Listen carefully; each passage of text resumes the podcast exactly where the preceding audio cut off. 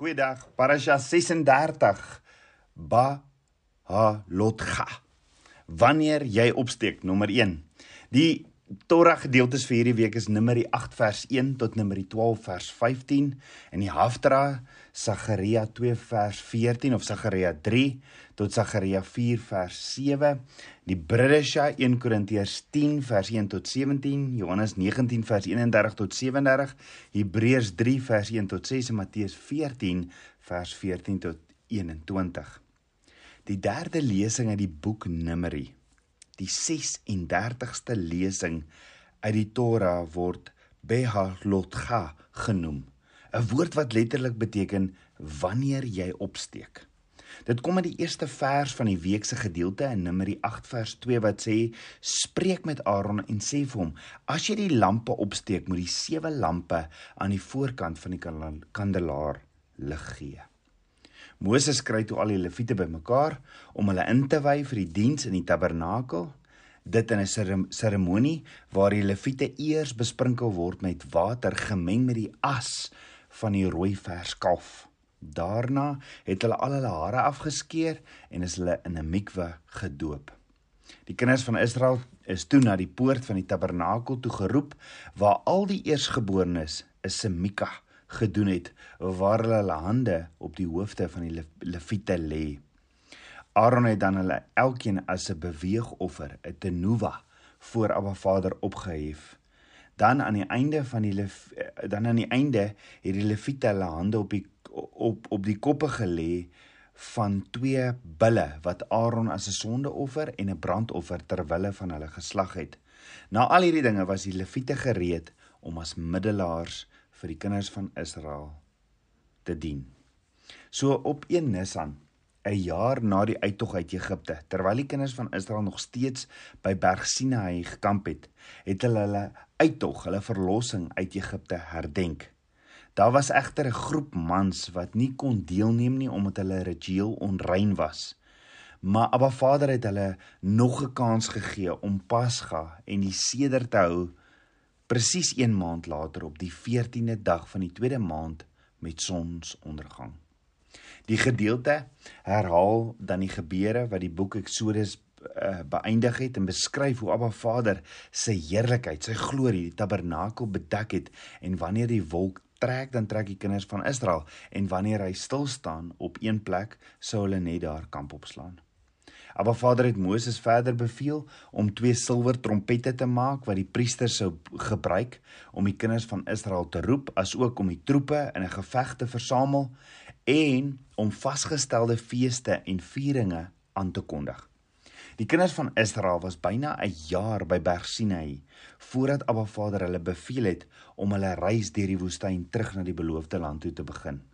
Dit was by Berg Sinai waar waar Moses die eerste keer die tabernakel opgerig het. Die priesterskap ingewy het en die kinders van Israel Abba Vader se instruksies geleer het. In die tweede jaar, in die tweede maand op die 20ste, het die wolk die kinders van Israel die woestyn Paran toe laat intrek.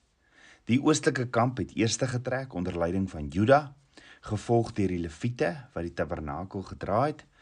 Ehm um, toe vertrek die of die verbondsark gedra het, toe vertrek die suidelike kamp van Ruben gevolg deur die Kehatite wat die tabernakel se heilige meubels gedra het, byvoorbeeld die menorah, die reukaltaar ensovoorts.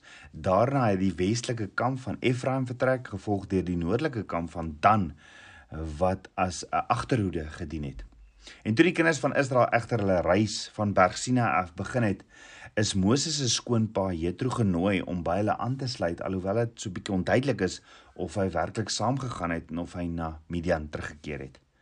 Die gedeelte beskryf dan dat wanneer die wolk begin trek en die kinders van Israel die laar opgepak het, het Moses voor die ark van die verbonds voor die ark van verbond gaan staan en gesê Numeri 10 vers 35 staan op Jahweh dat u vyande verstrooi kan word en die haters voor u aangesig kan vlug. En as hulle rus, het Moses gesê in vers 36: "Keer terug, Jahweh, na die 10000de van die duisende van Israel." Maar na 3 dae se reis het die kinders van Israel begin heavy kla oor hulle oor hulle swaar kry. En Abba Vader het kwaad geword en 'n brand in die buitewyke van die kamp laat brand. Daar benewens is 70 ouderlinge van Israel dood. En die brand brande het gewoed totdat Moses namens die kinders van Israel ingetree het. Hierdie plek het daarna die naam Tebera wat beteken brand gekry. Hierna het die kinders van Israel vleis begeer en het begin terugverlang en huil oor die kospotte wat hulle in Egipte geniet het. Moses het toe moed verloor oor sy lewe. En Vader Vader gesê dat die las van die kinders van Israel vir hom te veel is. En Abba Vader gee toe vir hom opdrag om 70 nuwe ouderlinge aan te stel wat gevul sou word met die Heilige Gees sodat hulle die las van leierskap kon dra. Abba Vader het ook toe beloof om soveel vleis te stuur dat dit uit hulle neusgate sou kom. En Abba het toe 'n enorme klomp kwartels uit die lug rondom die kamp laat val waar die mense begin bymekaar maak het en voorberei het om te eet. En terwyl die vleis van die kwartels nog tussen hulle tande was, het die kwartels 'n plaag geword en baie kinders van Israel het gesterf. Hierdie plek was genoem die grafte van drang. Kiverot Hatava in Hebreëus. Daarna het die wolkkolom geskuif en die kinders van Israel het getrek na 'n plek wat hulle Gezerot omheinings genoem het. En dis hier waar Aaron en Miriam Moses se leierskap bevraagteken het. Ondanks Moses se voorbidding vir haar, het Abba Vader Miriam egter 7 dae lank uit die kamp verban, uh waarna sy terug uh teruggebring is en waar Abba Vader die volk verder na die woestyn Paran gelei het. So in kort in die Torah gedeeltes of parasha vir die week uh, wat ons saam bestudeer in Numeri 8 vers 1 sien ons die sewe lampe, vers 5 die wyding en die diens van die leviete, in Numeri 9 vers 1 die pasga by Berg Sinai, vers 15 die wolk en die vuurkolom, Numeri 10 vers 1 die silwer trompette, vers 11 die vertrek vanaf Berg Sinai, Numeri 11 vers 1 die kinders van Israel se memorering en straf, vers 16 die 70 ouderlinge. Ehm um, vers 31 die kwartels. En Numeri 12 vers 1 Aaron en Miriam jaloers op Moses. Die gedeelte in die Haftra wat in die week saam bestudeer word sien ons behels is, is in Sagaria 2 vers 6 'n beroep op die balinge. Sagaria 3 vers 1 die vierde gesig Joshua en Satan. Sagaria 4 vers 1 die goue kandelaar en die twee olyfbome. Die gedeelte in die Bridesha of die Nuwe Testament wat ook saam bestudeer word, sien ons behels in 1 Korintiërs 10 vers 1 moenie Abba Vader versoek soos die kinders van Israel gedoen het nie. Hebreërs 3 vers 1 tot 6 Yeshua groter as Moses en Matteus 14 vers 14 die eerste vermeerdering van die brode. Die spreekwoord van sukses in die wêreld is Die spreekwoord van sukses in die wêreld is volg jou hart of volg jou drome. Doen wat nodig is om geld na te streef want daaraan word sukses gemeet. Dis die spreekwoord van die wêreld. Die punt is die wêreld meet sukses aan materialistiese dinge. Dis van volg jou hart, volg jou drome en nooit ooit oorweeg ons dit eers om te stop en te vra, maar Abba, wat is u droom vir my lewe? Wat is u wil? U is tog my my my pottebakker en ek net die klei. Maar Vader sê egter in Spreuke 3 vers 6, ken hom in al jou weë, dan sal hy jou baie gelyk maak. Met ander woorde, ken Abba Vader in alles, by die besigheid, by die huis, waar ook al jy gaan, ken hom in alles en dan sal hy jou baie gelyk maak. Jy sien, na ons Yeshua aanvaar as ons verlosser en saligmaker, deur die bloed van die lam word ons deel van Abba Vader se verbondsvolk, die bruid van Yeshua. En die kultuur en die lesse van Abba Vader se verbondsvolk is maak nie saak waar jy werk, waar jy woon nie. Jou mandaat is om altyd jou kruis op te tel en om ons koning Yeshua te volg. Alleenlik hom. Want hy is die goeie herder. Ons is sy skape. Dis hier waar jy dan sy stem sal hoor en hom volg want Yeshua sê in Johannes 10 vers 27 my skape luister na my stem en ek ken hulle en hulle volg my. Met ander woorde in hierdie verbondsverhouding is daar baie goeie kommunikasie. En ek volg nie my eie stem nie, ek volg my herder se stem want ek is sy ska sy ons is sy skape wat hom shema, Heer luister nou by en volg, maak nie saak wat nie. Yeshua sê in Johannes 10 vers 10, die dief kom net om te steel en te slag en te verwoes. Ek het gekom dat hulle lewe en veroorvloed kan hê. Ek is die goeie herder. Die goeie herder lê sy lewe af vir die skape. Met ander woorde, Yeshua sê nie hy is soos 'n herder nie. Hy sê ek is die goeie herder. En die goeie herder gee sy lewe vir die skape wat ons weet Yeshua het kom doen. Yeshua is die goeie, hy het sy lewe gegee, nê. Yeshua is ons herder. Nou herders in Israel jag nie skape van agter af nie. Nie hulle loop voor en die skape volg die herder. Die beste manier vir skape om van een plek na 'n ander plek te kom is deur hulle te lei. 'n Skaapwagter in Israel het 'n spesifieke roepstem. En as hy hierdie roepstem uitskree, dan volg sy skape hom. Nou sommige van hierdie skaapherders het tot en met 2000 skape wat hom volg. En dan soms sal hierdie herder sy skape vat in 'n vallei om water te drink en dan soms kan jy tot en met 8 van hierdie herders kry wat ook met hierdie groot troppe skape loop en dan sal hulle almal water kom drink in die vallei en rus. Nou as die herder dan besluit dis tyd om te trek, sal hy opstaan, sy geluid maak en al sy skape wat tussen al die ander duisende skape staan, sal hulle herder begin volg. So doen al die herders dit en daar's nie een skaap wat agterbly en die verkeerde trop of die verkeerde herder volg nie. Die herder se skape ken sy stem en volg sy herder wat hom lei.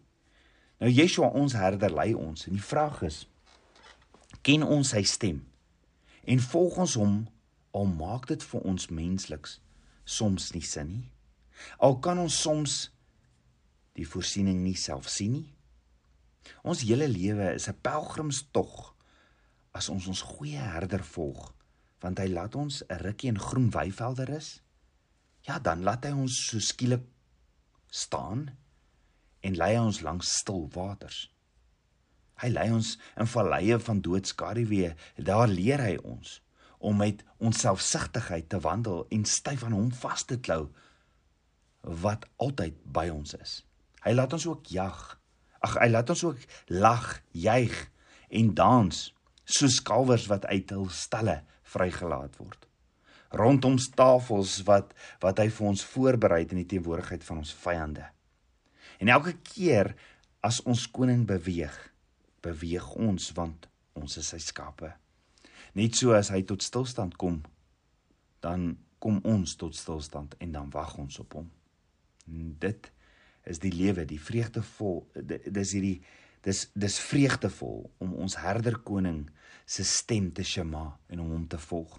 En terselfdertyd die versoekings van die wêreld te weerstaan wat so graag wil hê ek moet my herder verlaat en my eie ek, my eie titels en posisies en status navolg. Psalm 37 vers 4 sê verlustig jou in die Here, dan sal hy jou gee die begeertes van jou hart. Met ander woorde, as ons onsself verlustig in ons herder deur hom te shema, deur om te Heer luister nou by sal hy wat jou herder en skepper is wat beter weet wat jy nodig het vir jou die begeertes van jou hart gee. So in hierdie week se gedeelte of parasha sien ons dat die kinders van Israel se tyd by die voet van by by die voet by Berg Sinai amper verby is. Die die wonderlike romantiese tyd waarin hulle Abba Vader se woord kon eet en drink terwyl hulle gekoester was in Abba Vader se teenwoordigheid loop nou ten einde. Hierdie week sluit ons die 11 maande tydperk by Berg Berg Sinai af en binnekort gaan die wolk begin beweeg en die volk, die wolk van Abba Vader se teenwoordigheid en die kinders van Israel gaan vertrek op hulle 11 dae reis na die beloofde land. Ja, 11 dae sou hierdie reis neem. En ons weet wat gebeur het. Ons weet dat dit hulle bykans 40 jaar geneem het. So wat het gebeur? Dit sal ons nog in fynere detail bespreek want sien dit het net so met al die ander gebeure ook met ons te doen. Met ander woorde Berg Sinai het gebeur en op hierdie baie spesiale plek oor die tydperk van 11 en 'n half maande het die kinders van Israel die onskatbare voorreg gehad om deel te neem aan die wonderlikste ontmoeting ooit met die Skepper van die heelal. Jy sien die kinders van Israel is nie meer die vreesvolle slawe van Egipte nie. Maar is nou die verloofde bruid van die God van Abraham, die God van Isak en die God van Jakob. Hulle is nou in volle besit nie net van die verbondsbeloftes van Abba Vader nie, maar ook van sy opdragte om dag vir dag as sy bruid te leef. Hulle is nou 'n Shema volk wat hom volg om hulle te lei. Let wel by Berg Sinai beleef wat by Berg Sinai beleef is is veel meer as net die uitstorting van manna en fonteine met lewende water wat uit 'n rots vloei.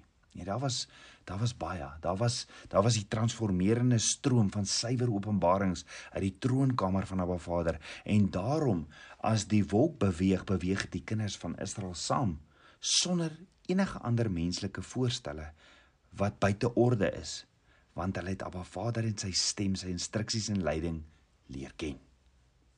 Dink daaroor. Het jy al ooit van een huis na ander huis getrek? Dit is van menslike aard om so bietjie nostalg nostalgies te voel, is dit daaroor, is dit nie? En dikwels gun ons onsself om net so net so laaste oomblik vir onsself te gee as ons Kobai sê by 'n plek wat ons lank gebly het. Hoeveel te meer is die glorieryke berg Sinai nie 'n oomblik van besinning waar waardig nie. Dit was immers by Berg Sinai waar die kinders van Israel Abba Vader se stem die eerste keer gehoor het. Dis hier waar Abba Vader vir die kinders van Israel sy instruksies gegee het en waar hy hulle geroep het na 'n Shema leefstyl toe. Waar hy hulle asook vir ons leer tussen wat heilig en onheilig is, tussen wat rein en onrein is, omdat hy vir ons lief is. So nou is dit 'n oppak na 'n ander berg toe, die berg genaamd Sion Numeri 9 vers 15 sê en op die dag toe hulle die tabernakel opgerig het, het die wolk die tabernakel van die tent van die getuienis oordek. In die aand was dit oor die tabernakel soos 'n gedaante van vuur tot die môre toe. Die wolk en die vuurkolom het die kinders van Israel die eerste keer mos teëgekom op die plek be bekend as Etam. Dit was net toe hulle uit Egipte uit is. Dit was die dit was die tweede halte of die tweede stopplek nadat hulle Egipte verlaat het. En Eksodus 13 vers 20 tot 22 sê van Etam af het Abba Vader hulle gelei deur middel van 'n wolkkolom en 'n vuurkolom in die nag. Onthou dit was ook die wolk wat Abba Vader gebruik het om die leer van Farao op 'n afstand te hou en dit in 'n toestand van verwarring verander het vir die Egiptenare terwyl Abba Vader aan die ander kant van die wolk die verloste volk, die kinders van Israel voorberei het om op die wonderlikste bevryding deur die Rietsee te kon gaan. Daar staan in Eksodus 14 vers 19 tot 20 en die engel van God wat voor die leer van Israel uitgetrek het, het daar weggegaan en agter hulle aangetrek en die wolkkolom het ook voor hulle weggetrek en agter hulle gaan staan en so het dit dan tussen die leer van die Egiptenaars en die leer van Israel ingekom. En die wolk was daar met die duisternis en dit het die nag verlig sodat die een nie naby die ander gekom het die hele nag geteer nie. So dit was hierdie wolkkolom wat hulle gelei het en wat hulle nou weer verder gaan lei. Dan by Berg Sinai het die kinders van Israel ook die wolk op 'n heel ander manier leer ken. Hulle het hulle het vertroud geraak en afhanklik geraak van die beskutte oorskadu manifestasie van Abba Vader se teenwoordigheid in hulle midde. Die wolkkolom bedags en die vuurkolom snags was bevestiging van die voortdurende teenwoordigheid van Abba Vader in hulle midde. Hierdie manifesterende teenwoordigheid van Abba Vader het sentraal gestaan tot die kinders van Israel se tog deur die wildernis na die beloofde land. Die kinders van Israel het slegs weggetrek wanneer die kolom opgetrek het en dan het hulle saam met die kolom beweeg. Die wolk en vuurkolom is 'n sinnebeeld van Ruach HaKodesh of die Heilige Gees wat ons leer en wat ons lei. Yeshua sê in Johannes 14 vers 26: "Maar die Trooster, die Heilige Gees wat die Vader in my naam sal stuur, hy sal julle alles leer en sal julle herinner aan alles wat ek vir julle gesê het." So die les hieruit is om om slegs volgens die leiding van Ruach HaKodes op te tree. Ons ons moet ons wil om volgens ons goeie denke te reageer af lê en gaan waar Ruach, Abba Vader se asem ons lei. Let wel, daar was by die kinders van Israel altyd die onsekerheid oor wanneer hulle tyd op 'n bepaalde plek of hulle kampterrein verby was.